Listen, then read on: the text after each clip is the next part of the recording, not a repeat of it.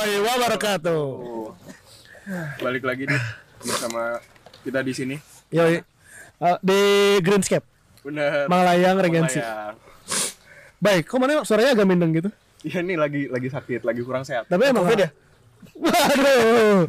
Bukan, Bro. Sebenarnya monkeypox. Sekarang bukan covid covid doang. Tapi Monkeypox. Oh, tapi jangan dua-duanya juga lah. Iya makanya.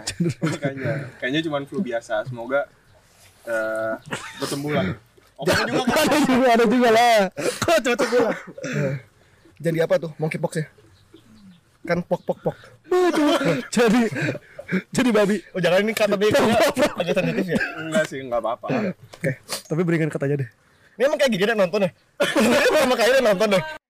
Woi, woi, Ini biasanya kan ada nonton kayak gini bro. Emang biasa ini tadi ada anak-anak kecil di luar. Kita suruh masuk aja. Eh jangan ngobrol semua aja dong. Ngobrol di sini. Kenapa ada Diskusi. Aja disuruh. Enggak kita mau ngom- mau ngomongin apa sih? Makanya tadi orang nanya mana sehat apa enggak kan ngomongin soal sakit. Ini kita mau ngomongin bisnis development. Wah, nyambung sih. Iya, nyambung nyambung. Bukan. Kebetulan ini kita ada tamu. Kalian Bukan tuh pintunya. Bukan di sini ini kan ada tamunya. Oke, oke. Nah kita sekarang mau ngobrol-ngobrol singkat lah sama Opang 5 menit aja. Oke, lima menit banget. Boleh dulu Opang kenalin dulu ke sobat Nongki. Iya, iya. Eh, maksudnya ya kita kan sering mention Opang kalau misalkan Opang di sini sebagai ketua lah, Ketua iya benar-benar. Ketua yayasan. ketua yayasan. Cuman di balik ketua ketua yayasan pasti ada pekerjaan lain atau hal apa yang lagi dikerjain sama Opang. Judi. Oke. Selamat selamat siang insan muda. Sore kebetulan ini udah sore. Iya boleh. Selamat sore teman-teman semua yang ada di sini. Oi. Bukan, bukan salah server, salah server. Ini ya kenalin nama saya Opang. Ayo, Pang. Eh Tapi ibu Maneh kan nggak mau kalau misalkan Maneh dibilang Opang. Nova kan? karena kan novel tournya bagus bro. Kalau Opang? Opang tuh kan Tadi artinya bagus, Be. Nova artinya bagus. eh, enggak maksudnya novel tuh punya makna yang bagus gitu. Adalah apa? Banyak.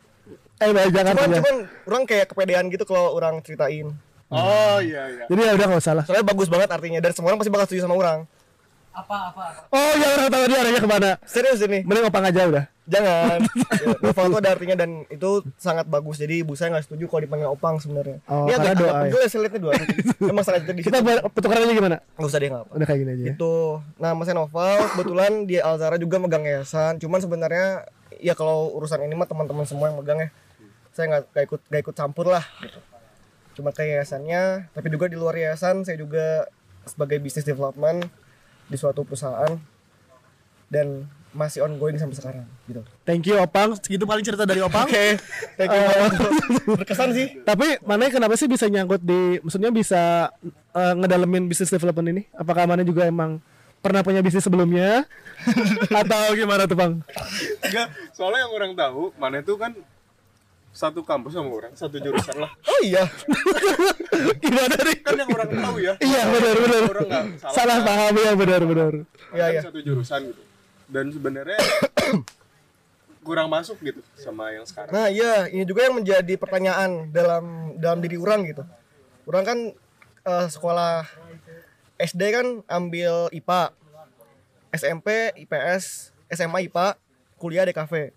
Hmm, jauhan mana ya? Nah pas di kuliah tuh DKV, terus sekarang kerjanya bukan di desain juga, emang jauh banget. Cuman kenapa nyangkutnya di bisdev? Yoi.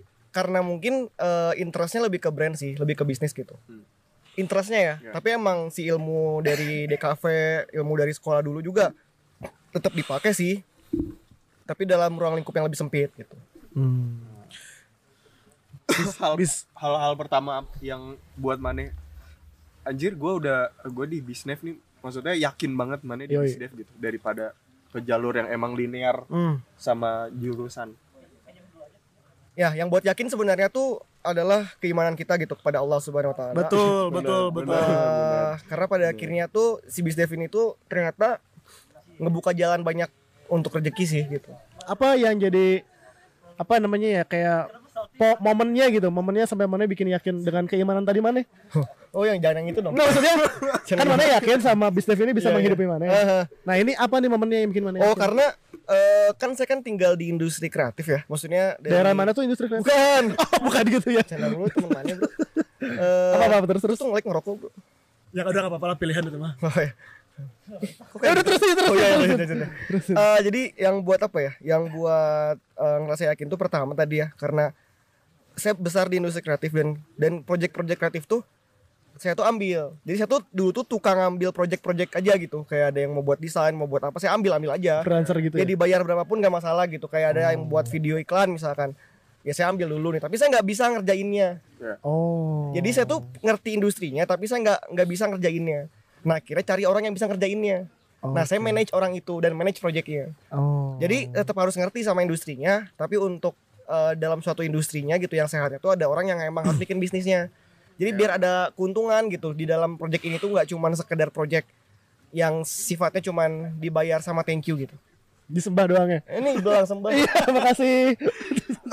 Enggak, tapi mana gitu. di di awal ya kan pasti mana nggak tahu kalau misalkan itu sebutannya bisdev. kan. Iya, awalnya nggak tahu itu bisnis. Maksudnya ya emang cuman asal ambil aja emang kan beberapa kalau misalkan nggak tahu ya kalau di desain emang ya udah kita ambil ambil dulu aja Ya, bisa cari orang-orangnya yang emang bisa gitu Hmm. berarti memang dari dulu emang mana ya pelan pelan udah kayak gitu Wak. Iya. Tapi emang sebenarnya berangkat dari brand development, bukan bisnis development. Itu beda sebenarnya. Ini Tuh, Wak, bisa jelasin dulu dikit gak nih? apa yang mana? Dua-duanya tadi, business development sama brand development. Yang bala-bala pakai kacang atau enggak? Bukan itu tadi, itu kan rawan. Rawan sama bala-bala kan. Jadi brand development dulu deh. Enggak sebenarnya ini definisi yang saya buat sendiri sih, tapi saya nggak tahu di real di real industrinya seperti apa ya. Oke, oke, boleh. Cuman kalau saya tuh emang berangkat dari brand development. Jadi emang fokusin untuk ngebangun, nge-build up fondasi brand. Misalkan nih, ada teman saya yang mau punya usaha, misalkan bakso aci misalkan. Misalkan. Nah, saya tuh disuruh risetin lah kayak kira-kira gimana nih bagusnya bakso acinya, brandingnya mau kayak gimana nanti, marketnya siapa, terus nanti komunikasi ke konsumennya kayak gimana, brand voice-nya kayak gimana. Jadi hal-hal fundamental itu yang saya buat. Jadi fokusnya tuh lebih ke internal dari Oke, brandnya sebenarnya. Itu emang saya berangkat dari situ. Cuman emang karena saya berangkat juga dari industri kreatif, jadi tetap harus memahami juga ruang lingkupnya kayak gimana. Karena kan brand development ini tuh kebagi dua juga. Ada banyak, ada bisnisnya, ada sisi kreatifnya, ada sisi marketing dan sebagainya ya gitu. Ya. Oh, Nah, ternyata saya tuh kompleks juga kompleks ya. juga. Intinya tuh saya tuh ngedevelop uh, fundamental brandnya gitu. Oke. Nah ternyata uh, jadi sebenarnya juga ada satu missing missing link sih. Jadi emang masuk ke bisdev yang sekarang jadi industri saya tuh adalah hal yang nggak saya duga sebenarnya. Oke, menarik Karena juga nih. awalnya tuh saya masukin CV dan portfolio saya tuh adalah brand development.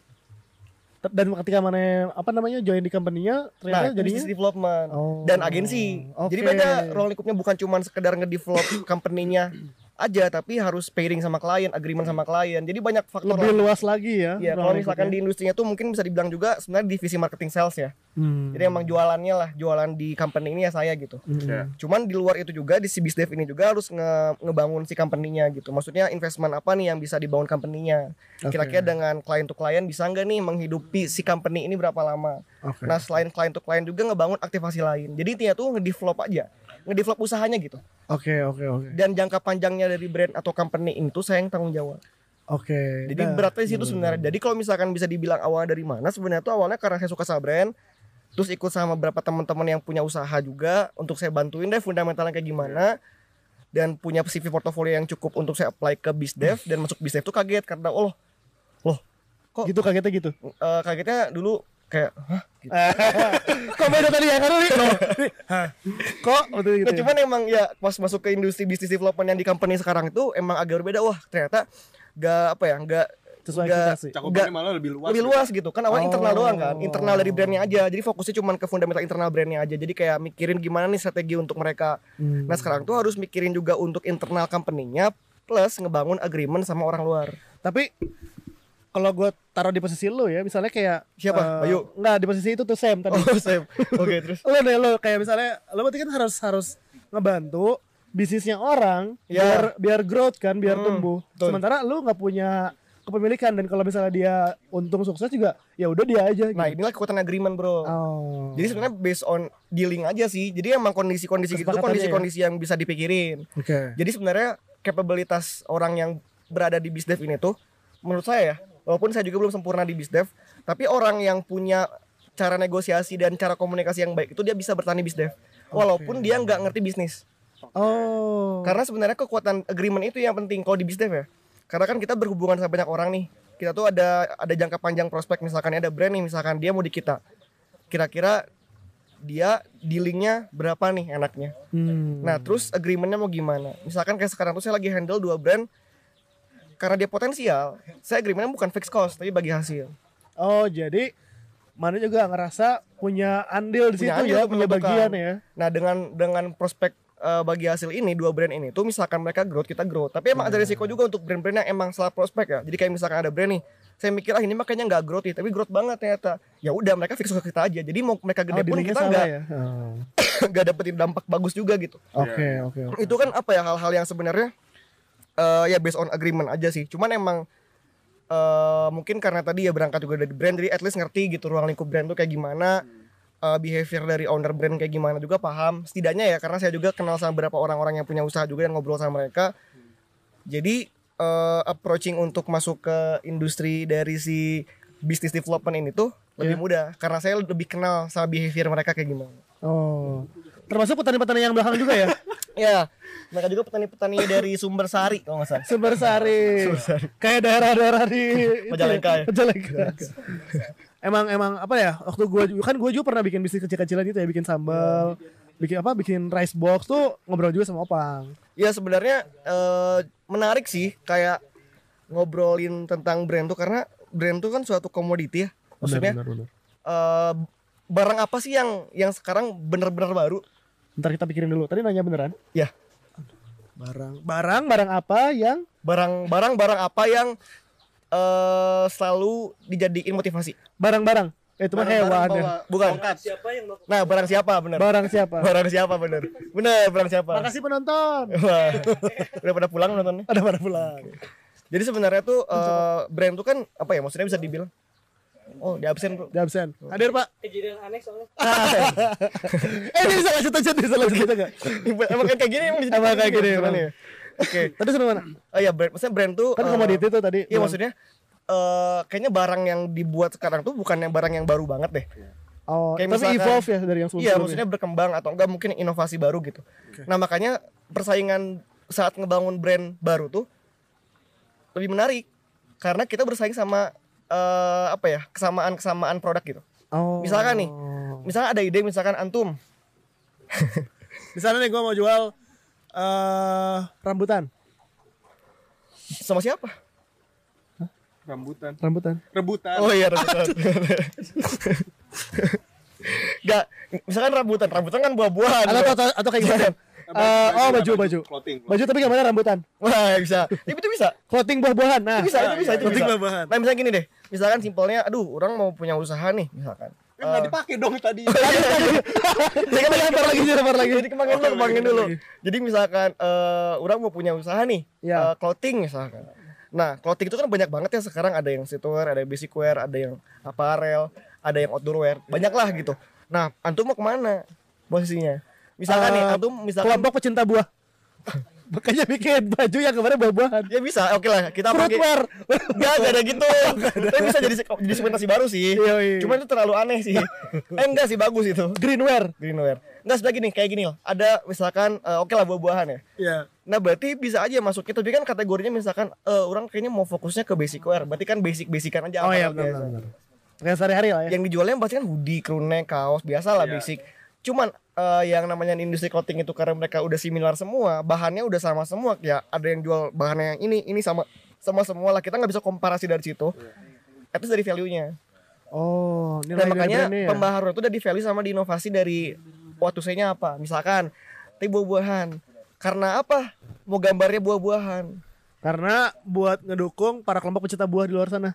Mendukungnya gimana caranya? Cara identitas biar mereka kaum-kaumnya merasa eh, bisa menunjukkan identitas Nah itu diri yang mereka. pertama bisa, tapi itu nggak valid. Misalkan, kalau misalkan eh, kamu ingin benar-benar ngasih Tadi support, antum. oh antum ingin ngasih support beneran, mungkin bisa aja nanti dikasih campaign misalkan tiap eh, keuntungan berapa persen dari penjualan tiap bulan dibagiin untuk petani buah-buahan misalkan, Oke. kayak gitu. Berarti nanti dari keuntungannya dimasukin ke buah-buahan. Nggak tahu ya itu kan itu kan eh, sampling aja maksudnya. Cuman emang intinya sekarang tuh kalau misalkan jualan itu bukan cuman sekedar produk yang dijual, tapi kira-kira mau pesan apa yang dijual. Nah itu yang bisa di evolve terus Tapi sebenarnya. kemarin-kemarin juga banyak yang ini ya, banyak yang apa ya, mulai berkampanye gitu dengan brandnya masing-masing. Iya betul. emang sekarang susah maksudnya kalau misalkan brand tapi mana cuman cuma apa ya ngejual ba- barangnya doang tapi nggak ada Oke. value yang dijual gitu Iya.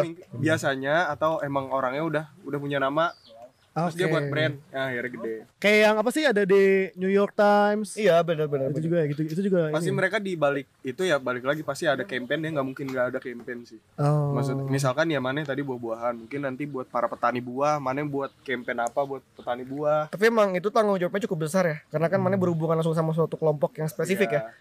Cuman itu lebih lebih lebih bisa di approaching kalau mana emang punya basic di situ. Oke oke oke. Tapi emang ini eh nah kembali lagi yang tadi ya, jualan itu juga harus tetap tentang untung rugi. Ya, Hmm. Kira-kira bisa nguntung nggak buat mana kalau jualan Iya itu? benar benar benar. Jadi jangan cuma sekedar eh, how to build idealisme aja gitu. Oke, Bener-bener harus dipikirin nih kira-kira potensi marketnya ada nggak orang-orang yang secara masif di luar sana tuh beli nggak? oh. Jadi kalau mana yang ngejualnya cuma ke tok- eh, orang yang jadi petani buah, ya mereka kan gak banyak juga sih. Mereka tuh bukan suatu komoditi market gede gitu. Iya benar benar. Kan kalau misalkan usia 18 sampai 50 tahun kan luas banget tuh ada yang jadi mahasiswa, ada yang jadi pekerja, ada yang jadi apa. Dan mereka punya eh, apa ya? segmentasi misalkan yang casual ya pakai brand ini dan sebagainya gitu. Kalau mana jual misalkan kaos petani buah-buahan, mereka nggak akan pakai juga sih. Karena Iya mereka sih. ngerasa nggak ya nggak begitu nggak begitu needs juga sama Iya. kaos itu gitu. Makanya juga harus ada research gitu. Kira-kira gimana pendekatannya? tapi mana pernah maksudnya pasti ada pernah dapat orang yang nanya ke mana eh dia tuh nggak punya nggak punya ide gitu Hah. Nah udah kasih yang dia tadi yang. punya, dia punya uangnya doang gitu Hah. tolong dong buatin Ah iya benar benar. mana Ada ngasih nggak nih? idenya itu secara maksudnya ngelihat dia secara personal atau eh, ini ini yang untung nih kayak gini gini gini gitu. sekarang nih lagi untung usaha ini loh gitu Kenapa deh? Ada ngapain deh? Nah sebenarnya orang juga eh, lagi-lagi berusaha untuk improve diri orang di situ. Jadi Oke. Eh, karena mungkin kerjaan sekarang tuh banyak ketemu orang ya, jadi terbiasa untuk ngobrol sama orang lain Iya. eh, dalam ruang lingkup gimana pun gitu. Dan ketemu beberapa orang yang kayak gitu, persis gitu ya, yang dia tuh eh, punya uangnya tapi nggak tahu mau buat apa. soalnya banyak kata banyak, Banyak banget. Cuman gini, sebenarnya ini juga approachingnya gimana dari orang yang kita ajak ngobrol. Kalau misalkan dia emang eh, apa ya memahami ruang lingkup bisnis itu adalah proses, itu lebih leluasa ke kita untuk approaching ide yang emang potensinya bagus. setidaknya akhirnya dia ngerti oh, ini emang prosesnya tuh Nah, kayak gini ya Karena jualan itu tuh banyak banget segmentasinya bro. Ada yang brand, ada yang dropshipping, ada yang reseller. Oh. Itu kan Luas segmentasi banget segmentasi ya. jualan kan. Iya benar benar. Nah kalau misalkan emang ingin langsung misalkan nih, sorry misalkan ingin langsung at least ada market yang jelas dan ada untungnya, Heeh. mana reseller suatu produk yang emang udah jelas punya potensi itu juga untung sebenarnya. Iya, Oke. Tapi kan mana ngikut sama brand itu, someday misalnya brand ini mungkin flop ya flop juga ke barang mana. Iya ya kan? Benar, benar. Nah kalau misalkan case-nya adalah dia ingin nge-build suatu brand sendiri, itu butuh waktu banget. Nah kemarin juga berapa ngobrol sama sama saya gitu, kira-kira ada nggak ide usaha yang bisa dipakai untuk itu gitu dan Hmm. ya udah kita riset nih kira-kira apa. Kalau misalkan dia ingin F&B, F&B kayak gimana? Mau minum dulu nggak tuh? Boleh. Habis deh. clothing clothing kayak gimana gitu. Nah, akhirnya dapat suatu apa ya? Suatu uh, insight dan juga dipakai sama research juga gitu ya.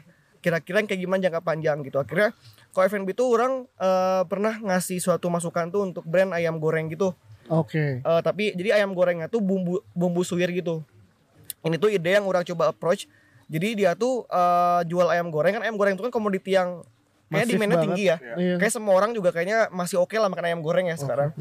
Nah tapi untuk nge- nge- nge-cut KPP-nya lebih murah dengan ayam suwir. Karena ayam suwir itu kan bukan ayam potong utuh. Iya benar benar. Ditambah sama bumbu-bumbu. Oke. Jadi kayak nasi ramas. Oh iya Ya benar. kan itu jadi nah tapi ini industri jadi dia cuma ngejual by orderan aja. Hmm. Ada juga yang teman orang yang minta saran misalkan eh, dia punya dia punya dapur nih, dia punya kitchen, tapi dia nggak tahu jualan apa. Udah aja catering.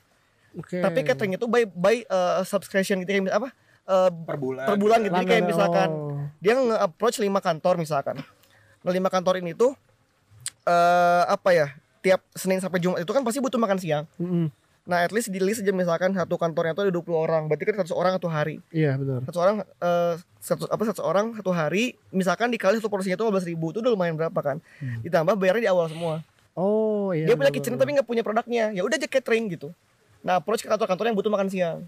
Wah. Nah dia lagi develop si idenya sebenarnya. Jadi saya ngejualin ide-ide itu. Nah benefitnya buat orang apa? Orang lihat juga prospeknya bagus atau enggak. Kalau emang ini bisa dibilang worth it dan pasti bakal bagus bagi hasil aja. Iya. Kalau misalkan emang dirasa orang punya resiko nih, yang gak mau orang jangka panjangin untuk Ya, orang pegang ya udah depan ya fix ya. cost depan aja Oke. cuman maksudnya kebanyakan orang nggak ada yang bayar fix cost sih orang juga ngerasa punya potensi juga sama brand-brand itu ya makanya dia kebanyakan jangka panjang jangka panjang tapi emang sebenarnya cuma chip in sama idenya doang jadi mereka cuma persentase aja dari enam bulan revenue tuh berapa persen 10 persen 5 persen juga masih gede buat orang mah gitu dah orang nggak nggak ngeluarin modal apa apa kan Iya. cuman ngeluarin ide doang dan riset apa yang mereka butuhin Tapi justru itu kunci kenapa mereka bisa bergerak dan maju kayak Iya. sekarang. tapi emang emang dari brand-brand itu tuh yang yang saya coba suggest tuh maksudnya nggak nggak nggak semuanya bisa jalan langsung ya Iya. karena mereka juga pasti punya punya kendala dalam modal Gatel, SDM gatel nih. Nggak, gatel. apa mau minjem duit Wah, coba banget terus terus. nanti terus- jangan terus jangan dagu. di sini lah pinjam duit di belakang aja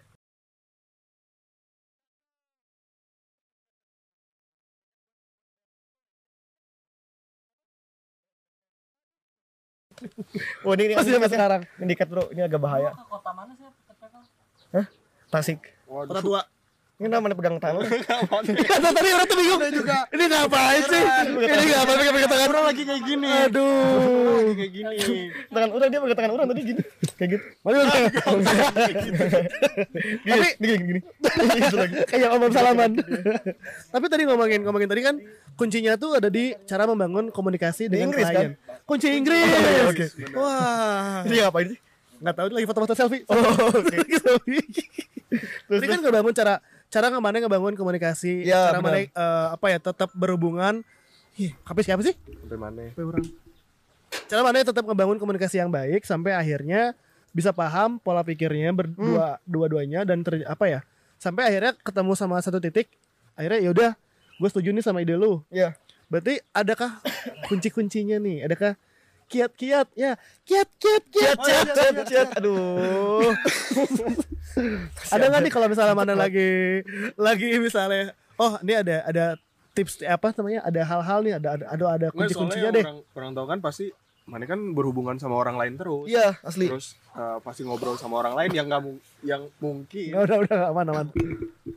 Pasti kan ngo- obrolannya pasti panjang gitu masalah bisnis dan iya iya benar-benar apalagi lama-lama masalah personal mau nggak mau mana harus Curhat persuasif ibunya. juga Hmm. ke orang kalau misalkan orang itu harus percaya ke orang kalau misalkan orang bisa loh gitu orang lah ya. tuh- ide orang tuh pasti bisa Berhasil. Bisa goals ya. gitu, bisa goals gitu Nah, ini kiat-kiatnya sebenarnya. Itu sebenarnya kiat-kiatnya bisa dipakai untuk hal apa pun ya, bahkan untuk kejahatan. jangan tapi jangan ya Kan bahkan ya, bahkan sebenarnya tuh semua manusia tuh punya apa ya? Punya insting untuk meyakinkan suatu kepada orang lain. ya Karena basicnya manusia tuh ingin dipercaya kan, iya ya kan? Maksudnya nggak ada nggak ada orang yang eh, dia ingin tuh dia, dia ingin besar, dia ingin dikenal sebagai orang yang harus dipercayakan pasti ada. Maksudnya orang tuh ingin ada. banget dikenal sebagai yang percaya gitu kan. Iya.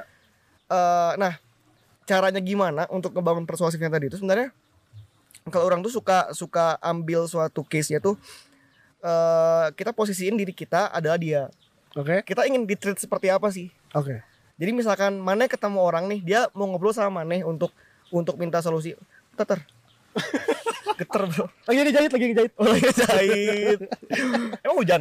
Aduh dijahit ya sudah udah awalnya maksudnya awalnya mikir kan hujannya.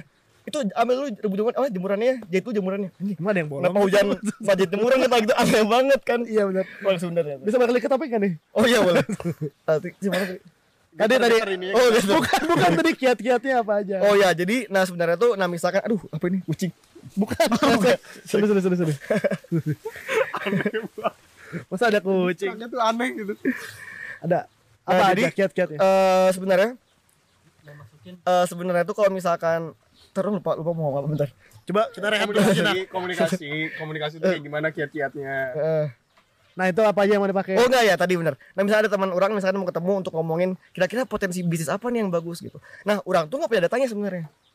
Orang tuh nggak bisa memastikan yang orang share nanti itu adalah data yang valid. Oke. Tapi orang kasih prospek. Nah prospek ini tuh harus diukur sama experience yang mana pernah handle. Misalkan misalkan gini FNB tadi ya yang ayam suwir. Ini case nya tuh lucu banget.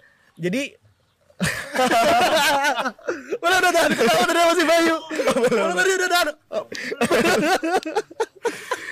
nggak jadi sebenarnya tuh case nya tuh eh, seru gitu. Eh, ya sih. Gitu. Eh, jadi eh, kan dia tuh minta kira-kira kan kalau FNB itu kan bisa dibilang case flow-nya bisa cepat ya. Betul, betul. Tapi kan maksudnya tuh purchasing dan segala aspeknya tuh harus diukur dengan benar. expired date yang jelas gitu. Iya, setuju. Karena kan bukan bukan suatu komoditi stok yang bisa jangka panjang. Setuju. Nah, dia tuh bilang, kalau kata mana, Pang, makanan apa yang paling eh, orang bisa terus demand cukup tinggi? Hah? Taluk. Bukan dong, bukan. Masa di pantai? Aduh, teluk. Oh, iya. Hiji, Roro, Teluk. Dan mana jawab apa tuh waktu di Nah, orang orang tuh eh, nah ngukur dari apa yang orang lihat di eh, market langsung. Tapi ini kan gak beda data, Bro. Itu nggak ada datanya. Orang bilang bilang ayam goreng itu tuh nggak pernah mati. mati lah. Ah, iya sih. Masa ayam goreng gak pernah mati? Tok, tok, tok. Emang gitu ya suara ayam ya? Nah, gitu tuh bener. Itu yang betina. Kalau yang jantan. Halo. Aduh. Halo. Aduh. Udah makan belum? Udah makan belum? Karena banyak yang jual ayam, berarti kan marketnya juga ada. Bener. Nah, tinggal pikirnya adalah gimana kita kemas yang baru dan bisa motong cost production yang lebih rendah gitu. Nah, akhirnya dikasih ide tuh. Nah, orang tuh dapat inspirasi juga akhirnya. Jadi based on experience ya. Dapat inspirasi dulu pas dulu di Bali tuh sama di Lombok tuh ada jual namanya lawar, nasi lawar. Nasi lawar tuh kalau di Bali tuh eh, pakai babi, babi suwir Iya, gitu. iya, tahu, tahu, kan? tahu. Pakai pakai sayur-sayur nasi, Tahu bau babinya apa tahu yang jual? Gak pernah makan, cuman tahu nasi lawar gitu. kayak gitulah. Kayak Ini setahu orang ya. gitu. Nasi campur tapi kalau di Bali tuh pakai babi dagingnya. Nah, kalau di Lombok pakai daging sapi atau daging ayam, orang lupa ya. Cuman yang penting eh, yang jelas bukan pakai daging babi. Nah, orang mikir, ya berarti kan dengan konsep ini tuh ada aja yang jual ayam suwir. Nah, orang juga dapat inspirasi itu dulu pas orang lagi di eh, SMA atau di SMP orang lupa ya. Ada wartegnya tuh jual ayam suwir bumbu merah gitu. Bumbu rujak. Bumbu merah. Eh, bumbu balado bumbu gitu. balado gitu. Kan itu juga murah ya. Karena karena kan bukan ayam utuh ya. Bukan ayam utuh kayak ada potong Porsinya potong jadi gitu bisa kan. lebih dikit kan. heeh. Tapi emang sebenarnya bisa jadi lebih mahal kalau misalkan ya eh, mana nggak punya manajemen purchasing bagus gitu ya. Iya benar. Eh, nah akhirnya dikasih ide itu. Jadi fokusnya tuh lebih ke ayam suwirnya, pakai bumbu-bumbuan, Mm-mm. nasi anget di mix pakai rice bowl gitu, kayak rice bowl gitu. Enggak, bayang nggak sih gimana tastinya? Enak banget sih pasti. bayar. di Telkom ada, Pang. Oh ada yang jual. Namanya nasi ayam Bali. Oh iya nasi ayam Bali. Ya berarti di Telkom bukan di SMA. Berarti Yang- itu dari babi. Iya, ayam suwir. Ayam suwir, ayam suwir. Oh, ayam suwir. Bali, Bali, Bali. Bali. Nah kayaknya mana sih ayam Bali itu kayak dari situ kan? Iya. Dari Silawar itu kayaknya ya. Soalnya orang tuh dapetin pernah nyobain juga emang enak banget. Babi. Enggak, nasi nasi ayam Bali yang di Telkom itu. Oh. Nah, eh, dan murah banget ya. Berapa murah. sih? 10 ribu. 10 ribuan. 10 ribu. 10 ribu. tapi kenyang maksudnya. Kenyang. kenyang dua hari kenyang. Soalnya dipukulin, dipukulin. Kok kayak gitu ketawa. Dapat dapat ilmu ini, dapat dapat ilmu Kan infus, bro, di infus. Jadi kan gak makan lewat mulut, Tapi lewat ini di infus. Iya, Kedua hari dipukulin tuh digeroyok. ya udah enggak usah masalah itunya. Berarti Gitu. berarti ini tadi dapatnya dari Telkom bukan dari Bali. Enggak, maksudnya Telkom tuh jadi eh, benchmark yang tadi orang bilang tasty tadi. Oh, iya, benar. Orang kan lupa ya entah SMP atau SMA ke kuliah. Singkat cerita, mana akhirnya eh, oh dapat apa dapat ide dari situ. Nah, kayak orang present tuh di situ. Ya udah aja buat nasi ayam suwir bumbu, bumbu sambal-sambalan Nusantara gitu pakai mata, Iya. pakai misalkan cabai hijau, pakai dabu-dabu. Jadi akhirnya tuh di mix gitu, di mix nasi, ayam suwir, sama bumbu-bumbuan ya. Tinggal dieksplorasi aja terus menerus. Misalkan nanti udah udah banyak nih yang main di sini, ganti mungkin jadinya ayam apa Iya. atau mungkin diganti lagi pakai varian udang atau apa kan Iya, banget tuh luas banget karena kan nggak cuman diganti ya. nggak cuman scoop di ayam doang kan nah akhirnya tuh uh, ya udah akhirnya dipakai mungkin ya cuman emang udah nggak tahu nih update gimana karena terakhir emang uh, idenya idenya dia approve cuman ya nggak tahu gitu cuman emang jelas dari situ aja orang lihat gitu ternyata saat orang uh, make sure si ide ini tuh kalau misalkan emang orang lain nggak pakai orang bisa pakai Oke, win-win solution juga. jadi ya. Tapi mana masukin list mas ide-ide yang udah mana keluarin gak kepake itu? Nah, iya nih. Nah, orang kan eh, bisa bisa. Jadi gini, eh, sebenarnya dia tuh pernah pernah ngelakuin, cuman emang pasti ada kena di modal, SDM kan itu kan emang butuh butuh apa ya all day production kan. Maksudnya mana juga harus ngatur si stoknya gimana. Itu PR banget. Nah, kalau untuk orang-orang yang mau mulai di F&B dan langsung kayak gitu tuh itu susah banget. Mana tuh ngalamin pasti ya produksinya kayak gimana. Iya.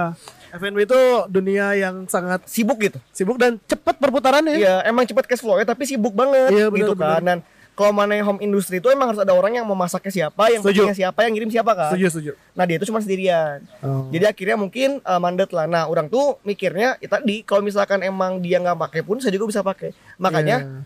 kalau saya tuh sebenarnya nggak bisa dibilang uh, konsultan juga karena sebenarnya semua yang di, di share tuh adalah apa yang saya rasa bagusnya buat saya Oh, secara personal. persona karena tanggung jawabnya kan personal juga. Ya. jadi kalau misalkan saya nge-share suatu ide yang sebenarnya ini apa ya ini bukan saya banget gitu ya.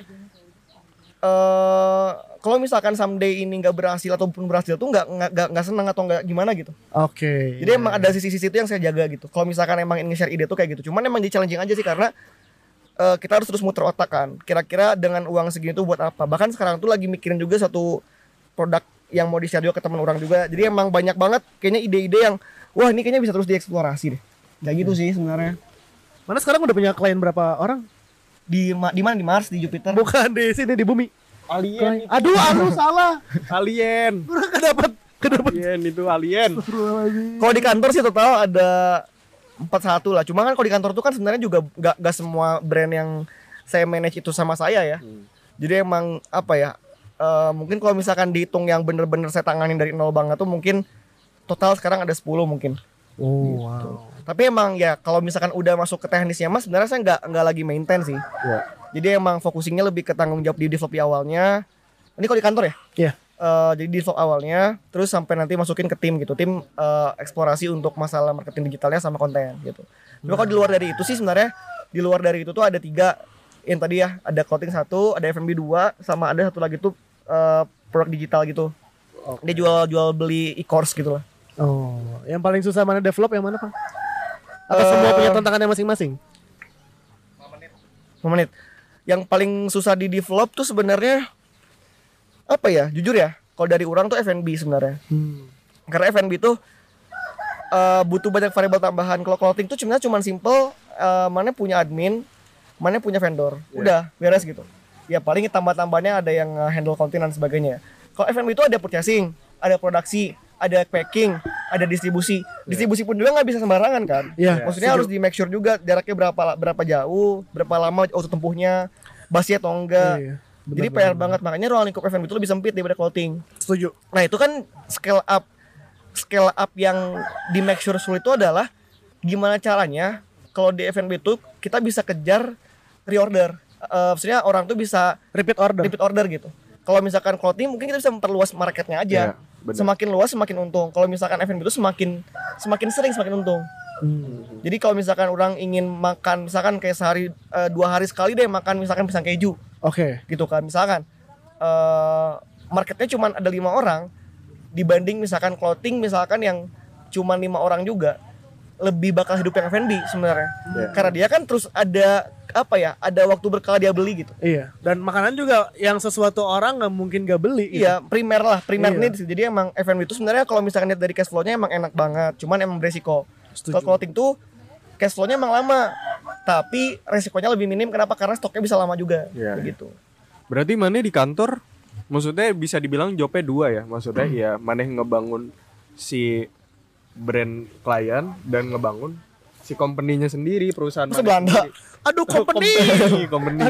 perusahaannya sendiri gitu. iya benar-benar Itu kan uh, sebuah tanggung jawab yang cukup berat ya. Iya sih, bagi waktunya. walaupun walaupun memang eh, bukan jangka panjang misalkan mana eh, ngambil si brandnya atau si megang brandnya cuma kan tetap aja gitu mana harus tetap maintain komunikasi sama si kliennya biar kliennya percaya juga bakalan terus make si perusahaan maneh lagi Iya. nah cara maneh ngebagi porsi masing-masingnya tuh gimana? kayak gimana kayak, kayak gimana gitu mungkin ya kalau orang lihatnya sekarang juga udah mulai banyak banget anak-anak sekarang yang udah mulai buka agensi sendiri terus startup startup udah mulai banyak juga nggak Iya, benar. nggak apa ya nggak menutup kemungkinan bisnis development orang-orang nih yang lainnya juga pasti ada yang kayak maneh juga gitu Setuju, setuju.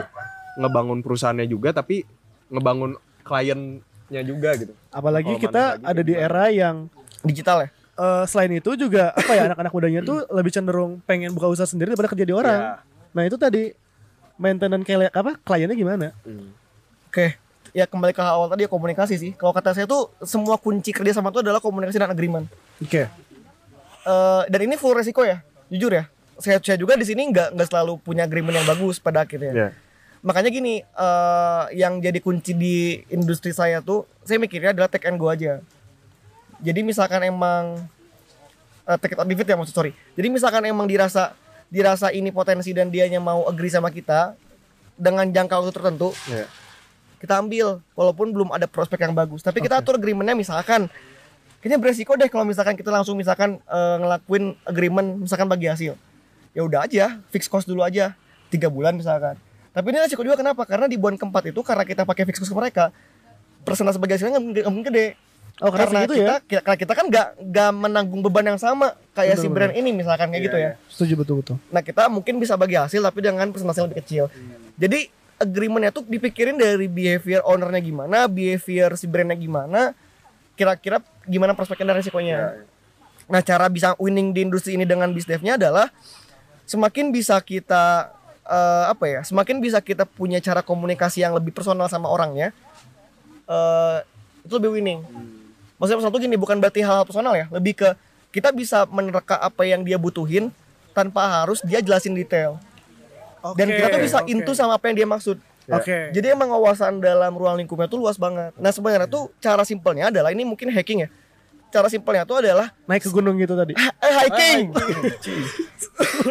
Cara simpelnya adalah tadi kain.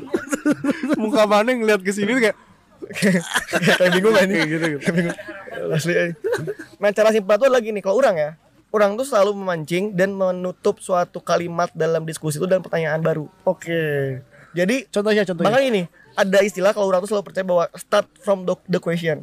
Jadi saat mana mulai obrolan tuh jangan jangan jangan satu hal yang stuck kayak oh ya mas Statement gitu ya. statement kayak misalkan oh ya mas kita udah review udah apa? Terus apa gitu karena si orang yang kita ajak ngobrol tuh dia butuh pemahaman kita Oh. untuk menentukan bakal ngobrol ke arah mana nih. Nah kita tuh di sini kan nggak tahu juga dia mau ngomongin apa detailnya. Iya. Tapi kita bisa start from the question dan akhiri semua kalimat itu dengan pertanyaan lagi yang baru. Misalkan nih, saya nanya misalkan Mas saya udah review eh, brandnya, kalau dari kami ini potensial.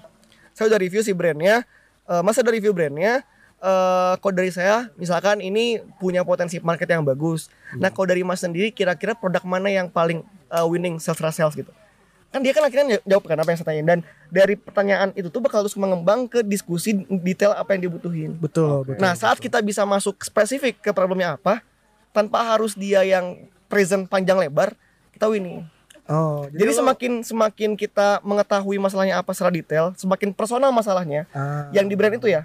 Dan kita bisa hand over solution walaupun bukan satu solution yang pasti dan kita bisa buka komunikasi Ya. jangka panjang ke depannya dengan eh, start dan ending eh, dengan question tadi itu bisa winning. Hmm. Makanya tuh kalau misalkan emang sih ini agak-agak berbeda sama saya di luar ya. Kalau misalkan hal- eh, untuk untuk hal personal tuh saya tuh malas banget untuk ikut campur dalam urusan mereka orang-orang lain ya maksudnya. Iya, iya. Paling iya. malas lah untuk ikut campur sama urusan orang lain Iya, sebenarnya. benar benar. Saat apalagi kalau misalkan dia nggak butuh sama saya gitu. Iya, Gitu betul. kan. Cuma kalau misalkan untuk kerjaan sih saya harus ngerasa dia butuh sama saya. Oh.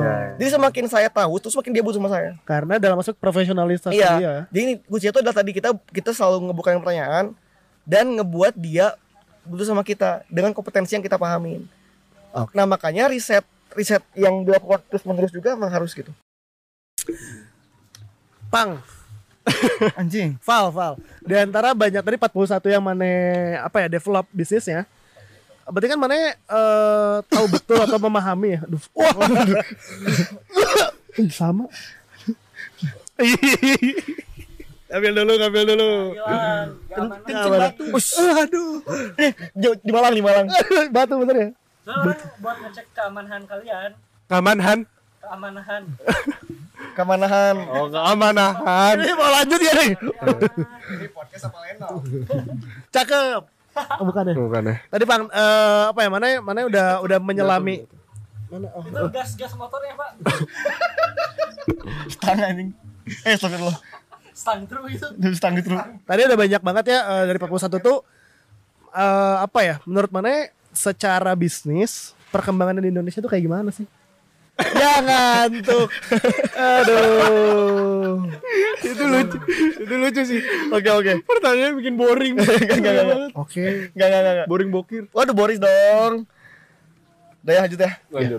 Sebenarnya eh, kalau misalkan senasa nggak bisa dipastiin banget ya, karena mereka tuh juga punya waktu jangka waktu yang beda-beda untuk growth. Cuman eh simple lagi nih ya. Ini kalau misalkan karena orang mostly megang clothing, jadi saat misalkan dia bisa memenuhi variabel-variabel ini tuh dia punya potensi growth yang bagus. Oke. Pertama, clothing ya, dia punya eh, variasi artikel yang banyak minimal 30 artikel. Itu udah bisa dijadiin validasi eh, untuk starting ya starting yang ideal.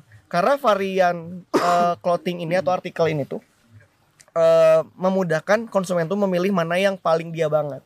Nah behavior di digital karena sekarang juga orang-orang jualan baju clothingan tuh di digital juga di marketplace eh, bukan bukan cuman dari sekedar fabric dan desainnya tapi dari eh, apa ya dari mana yang terlaris dan terlaris ini tuh biasanya tuh didapat dari market demand tingginya di mana nah mem- apa ya memiliki banyak artikel ini juga akhirnya memudahkan untuk si owner brandnya mencari lagi bestseller baru kuncinya adalah itu banyak yang terjual dari artikel-artikel tertentu. Yang kedua, stoknya yang dalam. Misalkan udah dapetin artikel yang tadi yang laku ya. Misalkan ada tiga artikel laku nih misalkan. Eh, nah stoknya tuh emang harus banyak. Kenapa? Karena mendulangnya dari situ. Kadang ada nih, ini true story ya. Ada brand yang yang kita maintain, dia tuh punya misalkan 60 artikel. Tapi dia tuh yang terjual laku banget tuh cuma 5 artikel aja.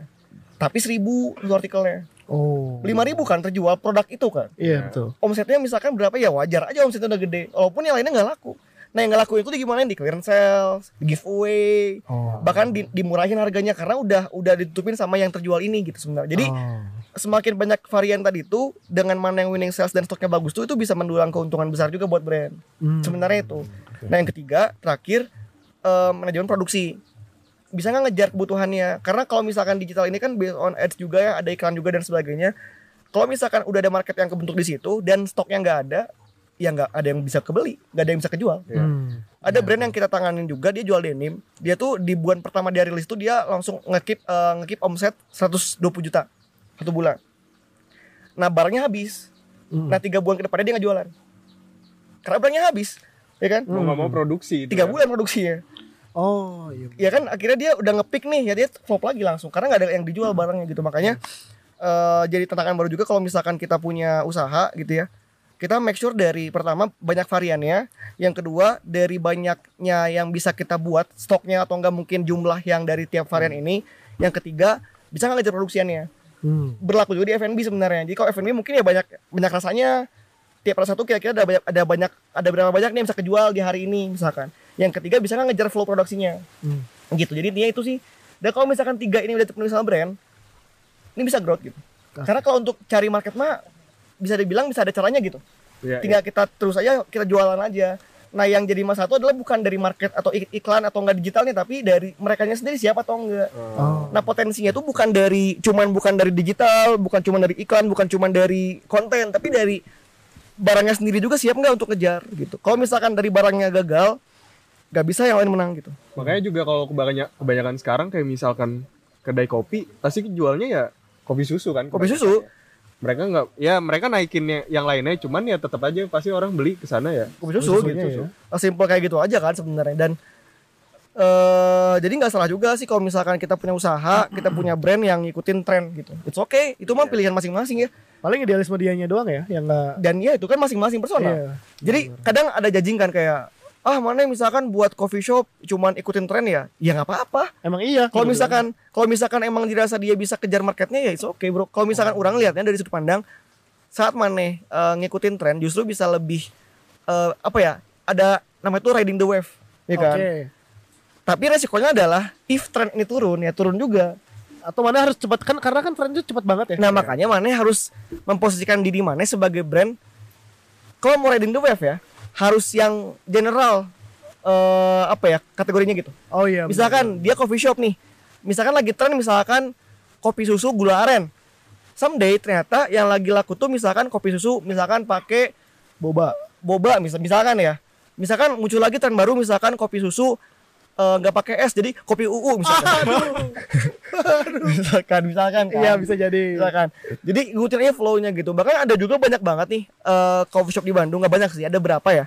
Yang dia tuh ngejualnya bukan dari produknya tapi dari konten-kontennya yang lucu misalkan Oh. ada namanya tuh Seko Bandung itu lucu banget kontennya karena Oh dia iya, tuh, tahu, tahu, tahu. kan karena dia tuh kayak timnya dia tuh punya akunnya juga yang Yang minta receh kalau itu ya? pasang receh-receh itu kan pada akhirnya kan kita tahu oh Seko Bandung tuh ada di Bandung Dan Iya gue juga jujur jadi pengen ke sana juga. Iya kan karena ya asik aja kontennya gitu Iya, kan. Bagi kita asik aja. Jadi kayak ya mungkin kopinya mah biasa aja ya. mungkin ya. benar, kita nggak tahu juga.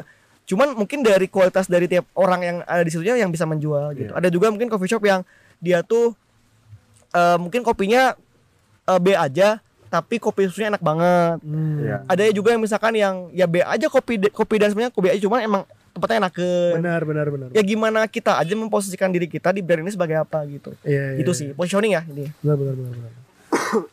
Wah, menarik banget sih setelah Menarik. ngobrol banyak sama Opang. Ya aduh, kenapa tuh? Emang ini nih gimmick gimmick development. ah aduh baru tuh baru tuh Dan ada ilmunya juga loh. Ada juga coba coba.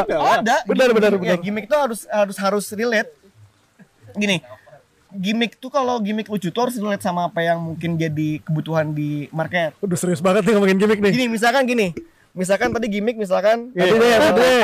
ya itu gimmick tuh gimmick kan gimmick tuh nah bisa nggak sih mic ini masuk ke mata Nggak mungkin. Nggak mungkin tapi kan posisinya kan pasti mata kan Nggak Bener. mungkin dong tiba-tiba mic ini misalkan saya kayak dikelak gini kan nggak mungkin Aduh. dong karena kan nggak relate Atau jadi sini di mata mungkin kaki. dong aduh Makin jauh. tuh namanya kondisian kondisian mata-mata waduh Mata hati. Ya. Di TV juga ada. Atau Mata Najwa. matahari aduh Duh, udah nggak dapet lagi. udah udah satu lagi tempat gak boleh. Boleh, boleh. Ini kat aja ya. Atau ada dia lagi sakit. Wah, waduh. Posnya ih parah kalau ini mah. Parah. Nggak boleh kan. Ini yang ini disimpan, yang lain di cut. Apa? kalau bisa lihat langsung beda lagi. Apa tuh? Mata batin. Waduh. Ah gitu. Pokoknya itu tentang Pokoknya tadi gimmick ya, sedikit gimmick. sedikit lah. Tapi kan nggak harus semua lucu. Benar. Ini jadi ngomongin gimmick nih. Ini gimmick tuh juga emang gimana orang yang diajak ngobrolnya. Iya, setuju. Ada mungkin yang lucunya tuh dengan gimmick-gimmick eh Slapstick. slapstick gitu kan. Ada yang mungkin pakai Wardah, ada yang pakai apa gitu kan, ada yang pakai Wardah, ada yang pakai Emina. Lipstick, Oh, lipstick. Oh lipstick. Tadi Wardah apa? Wardah pakai apa? Lo nggak tahu ya, apa lagi ya? Belum Gue ada. nggak tahu emangnya apa lagi cuma dua doang. Wardah apa lagi? Emina. Oh, beda. Eh, eh lagi. Wah? Emina, Emina, eh, eh. Aduh, sampai sampai eh, eh. Ah, kita udah ngomong panjang lebar kan? Iya bener. Aduh, Aduh, capek banget. Capek banget banget. kan? Banyak ya pokoknya banyak. Sekarang kita waktunya Kenyang banget. Banyak dagingnya. Waduh, basic tuh. Ini pasal baru dong. Apa tuh? Banyak dagangnya. Aduh. Udah, udah. Udah bisa. Lo keluarin lagi. Sekarang kita bakalan JFS. Apa tuh, Bay? Jawaban versi saya. Aduh. Gitu. Peraturannya gimana sih? Peraturannya Orang udah tahu sih gak usah lah. ya udah Oke. nggak usah ya. Pemain lama. kan yang dengar belum tentu udah tahu dong Betul. Mau penonton? Ah, emang gitu suara rakyat mah kosong. Cut aja ya. Gak apa sih. Buat yang belum tahu, nanti kalau misalnya tiap narasumber yang ngomong, eh ditanya sama host, apa tuh? Enggak sih. Waduh, eh, harus jawab. eh apa namanya? Aduh jadi lupa. Jadi dari genam. Jawab pertanyaan, Ah, iya, jawaban dari saya. Jawaban versi saya. Nah, baru. Ayo langsung aja. Bay, pertanyaan Bay. Pertanyaan pertama Bay. Pertanyaan pertama, Waduh, masya Allah. Hal apa yang dibanggakan saat kamu sekolah? Jawab deh. Jawaban versi saya. Enggak, dia. Diwakili nama Opang. Enggak boleh. Eh, Pang. ini sih Jawaban. ayam Oh, iya, goreng, bener. ayam goreng. Jawaban. Eh, jawaban versi saya ayam goreng. Tadi coba ulang pertanyaannya. coba ulang. Hal apa yang dibanggakan? Oh, kita nggak boleh judging. Mungkin aja dia bangga sama ayam gorengnya. Enggak. Karena juga nggak Enggak ada. Ayam pikir itu makanan makanan kesukaan. Bukan. Dibanggakan apa? Dibanggakan. Sama sekolah, sekolah mana dulu kan ada, ada tiga, SD, SMP. Sekolah, sekolah gajah, sekolah gajah. Mereka yang pernah, tapi yang pernah bener. Bener bener bener. Pernah pernah Oh, ke sana. ya udah, berarti ya sekolah lah. Kan diceritain, kok menarik. Sekolah gajah sih. sekolah gajah. Kenapa? Kenapa sekolah gajah? Kenapa? Gak, gak, gak. Juga Ah, cuman bener, pas mana sekolah di bangku SMA ya? Berarti ya? bangku SMA. Bener. Enggak, waktu ya bener bener bener. Yang paling dibanggakan pas sekolah itu ini. Eh, Tapi menarik sekolah gajah sih. Iya bener. Kayaknya tadi nggak usah dijawab deh. Kenapa? Kenapa eh, sekolah gajah? sekolah gajah. Nah, sekolah gajah. Yang menarik di sekolah gajah itu adalah kita tuh berhubungan langsung sama gajah. Masa sih? Tapi bener-bener di alam terbuka sih ya. Bentar, bentar, bentar. Bahkan Bentar, bentar, bentar. Mana berhubungan langsung sama gajah? ya. Mana tuh Ya, sudah. Gimana, gimana, gimana tadi? Nah bahkan ada satu hal yang orang tahu sekarang adalah gajah itu kalau misalkan dibuat kandang itu gak usah pakai pagar, Kenapa? cukup aja sama lubang selokan gede. Oh, karena dia dia. tak. Oh iya Dia benar. lompat ya kan. Iya benar benar benar. Tapi, Bener bener bener. tapi fakta fakta. Bener jadi orang kan tahu orang kan awal kan khawatir ya. Wah kenapa nggak ada pagar atau apa kan takutnya kan nyerang kita kalau gitu tidur Iya kan. benar. Dia cuma ada parit doang ada parit. Hmm. Panjava lagi. Waduh. Guys, back Aduh ya Allah. Ya, cuma itu jadi cuma ada parit doang tuh. Jadi si eh, gajah itu ya udah dia akan lompat. Di sana tuh belajar apa?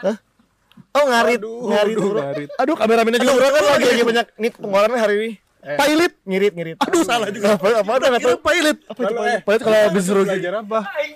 Aduh, kecipitan. Apa apa apa apa, apa tadi apa? Di kampung gajah tuh, eh di kampung Beda lokasi. Beda lokasi. Di Bandung saya tutup juga apa cewek? Di Bandung Di sekolah Tapi gajah kan tuh belajar sejarah sekolah dimasukin ke kampung aja. Iya, tapi nggak gitu. belajar apa di sana? Eh, kalau misalkan kita aja belajar tentang ngurusin gajah. kalau gajahnya ya belajar belajar ini, belajar tapi untuk itu emang buat umum. Disediain sekolah gajah gitu. Gimana sih gimana sih gimana sih gak ngerti orang SD SMP gitu. ada gajah jejak pendidikannya gimana buat apa? seragam, pakai seragam. Aduh ada gajah gajah ada gajah gajah telat. Salam, salam, salam ke ibunya. Banget. Kayaknya ada ulus dapat jenazah. Digini. Gajah. Jadi ijazah. Gajah tuh kalau kalau misalkan gajahnya jadi OB enak. Kenapa? Tanam tanaman lu. Waduh. gitu doang. Eh, oh berarti emang maksud orang tuh itu dibuka untuk umum orang-orang mau belajar di sana juga bisa gitu. Itu emang kawasan ini kan, Taman Nasional Waikambas di Lampung. Yang sekolah tuh gajah apa kitanya sih?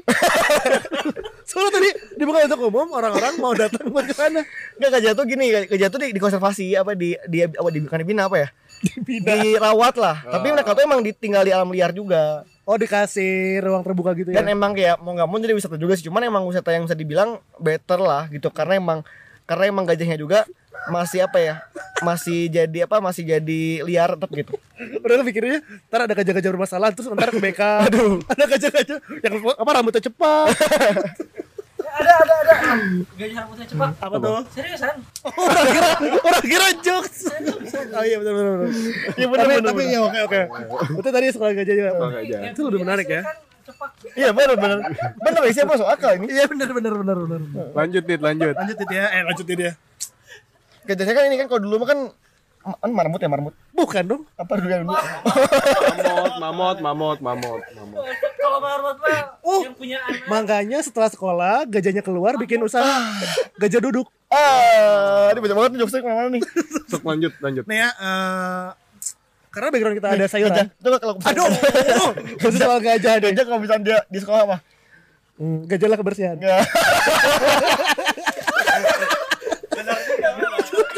Jelek banget tadi. Apa dong apa dong Enggak enggak jadi udah udah lucu. Takut, takut galau. Tapi kalau lucu ya. Ini belakang kita kebetulan ada sayuran nih.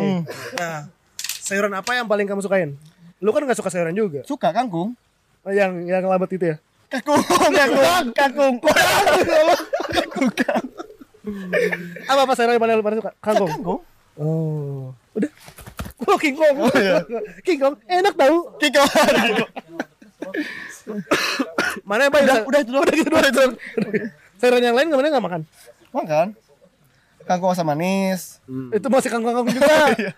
Paling ini sih paling orang suka banget sama bayam. Oke, nice. Anjing. Menarik. Oke. Kalau tidur lampunya dimatiin atau dinyalain? Ah, ya ama men. Ya tau lah, orang tuh gak bisa tidur kalau lampu nyala. Jadi Dimatiin. Matiin. Opsi cuma dua. Opsinya cuma dua. Saya tergantung istri sih. Nah, orang harus cari istri yang lampu dimatiin. Itu kriteria orang. Tergantung pacar juga. Iya, pacar kalau misalkan lagi stay apa? staycation di Yoyo.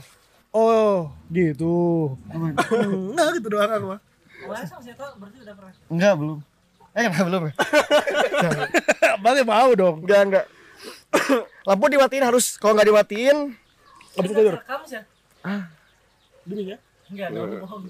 Aduh, jokes-jokes kameramen. jadi kameramen Jokes kameramen yang keluar. Eh, gimana tadi? Hah?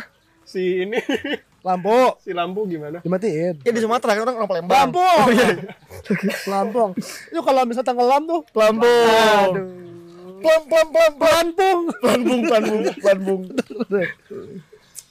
Mana kan tadi tipe kalau orang yang serius juga ya tadi selama Orang kan nggak suka grup band. Serius. Iya, terus. Nah, serius se, se segininya mana pernah ngasih orang- hadiah ke orang tua? Pernah Apa? eh Terakhir ketemu orang tua. anjing. Di sini. Tiba-tiba.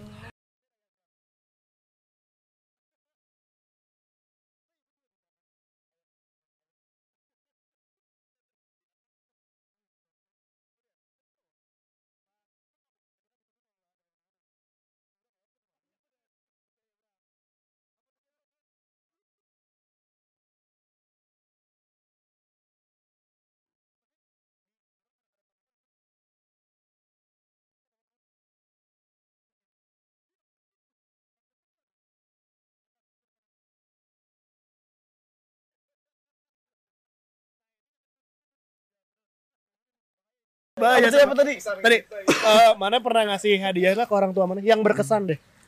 Kalau barang tuh enggak karena ibu, Kan hadiah mah bebas apa pun. eh, Doa doa pastilah. Kalau barang tuh enggak sih karena eh, ibu saya tuh kayaknya apa ya? Enggak apa ya? Barangnya tuh ya apa yang dia apa yang dia kayak suka yang butuhin kayaknya sejauh ini dia masih cukup gitu. Jadi daripada daripada yang kepake. Cuma kalau misalkan yang saya kasih tuh biasanya tuh yang paling berkesan itu adalah waktu. Masya Allah. Itu Saat- benar itu benar. Saat lagi sama ibu sih itu adalah the best gift mungkin buat dia Setuju. dan buat setuju. kita juga sebagai sebagai ini anak Hmm. Terakhir kali mana ketemu sama ibu mana kapan bang? kemarin sih. Apa sih? Mana suka ngomong Bu, eh, aku sayang ibu, sering Iya. ngomong gitu gak sih? Coba bilang ke kamera kali aja ibu kamu nonton.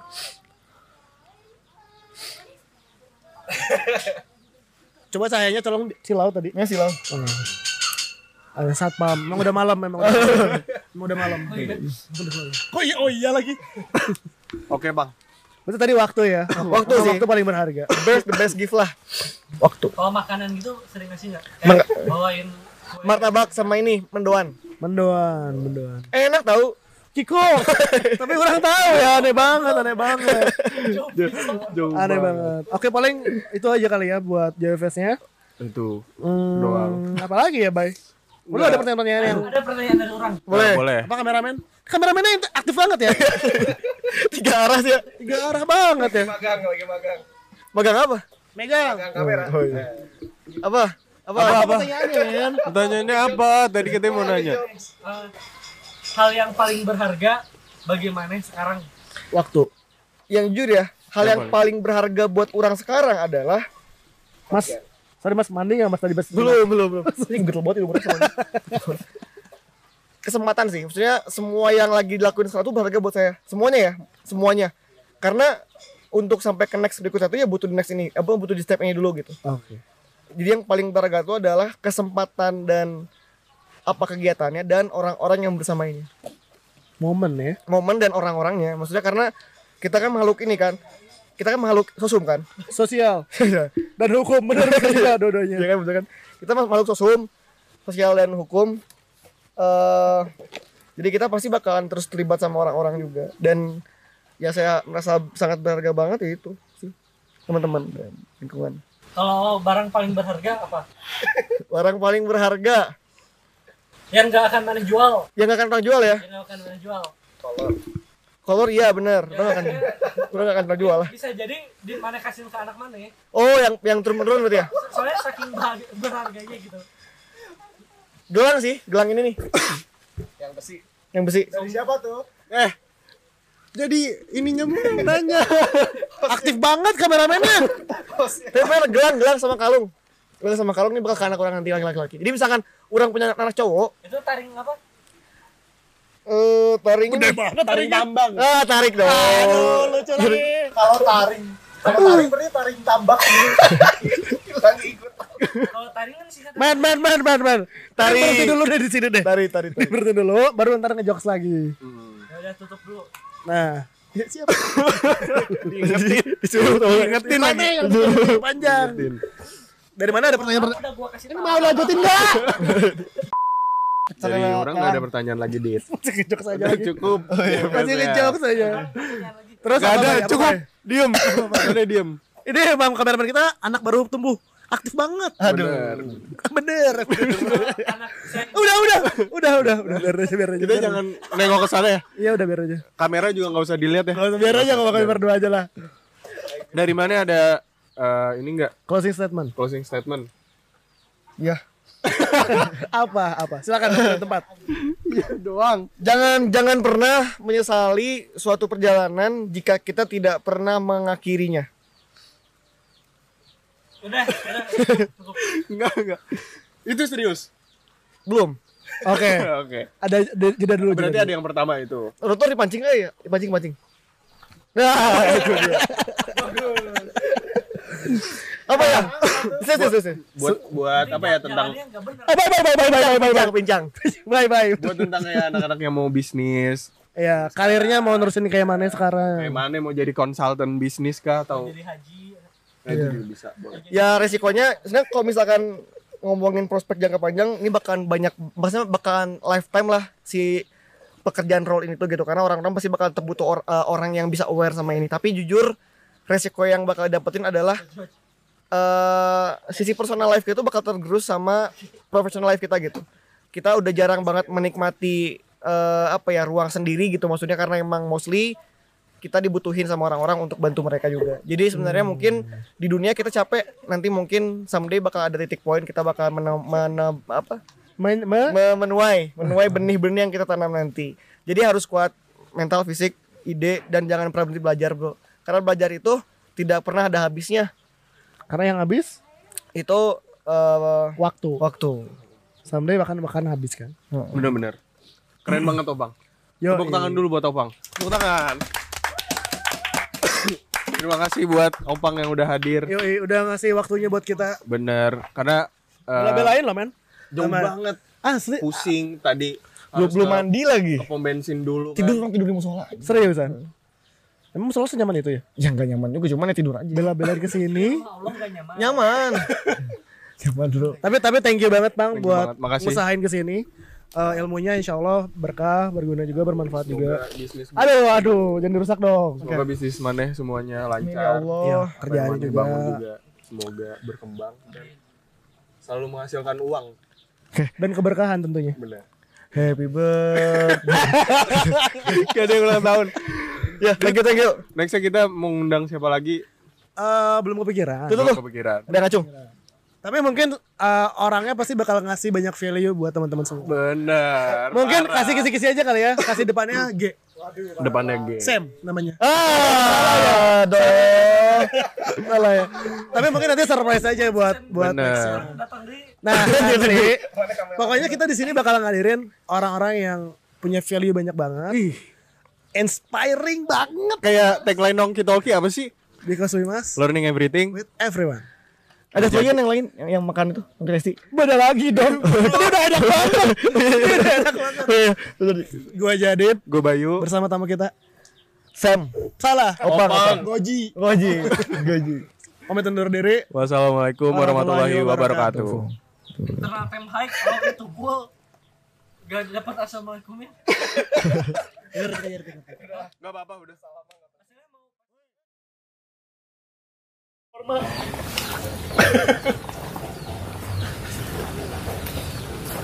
Kenapa muka mana heran? Enggak enggak. Ura agak takut sama ini. Sama bawang. Bang. takut sama Bener ya.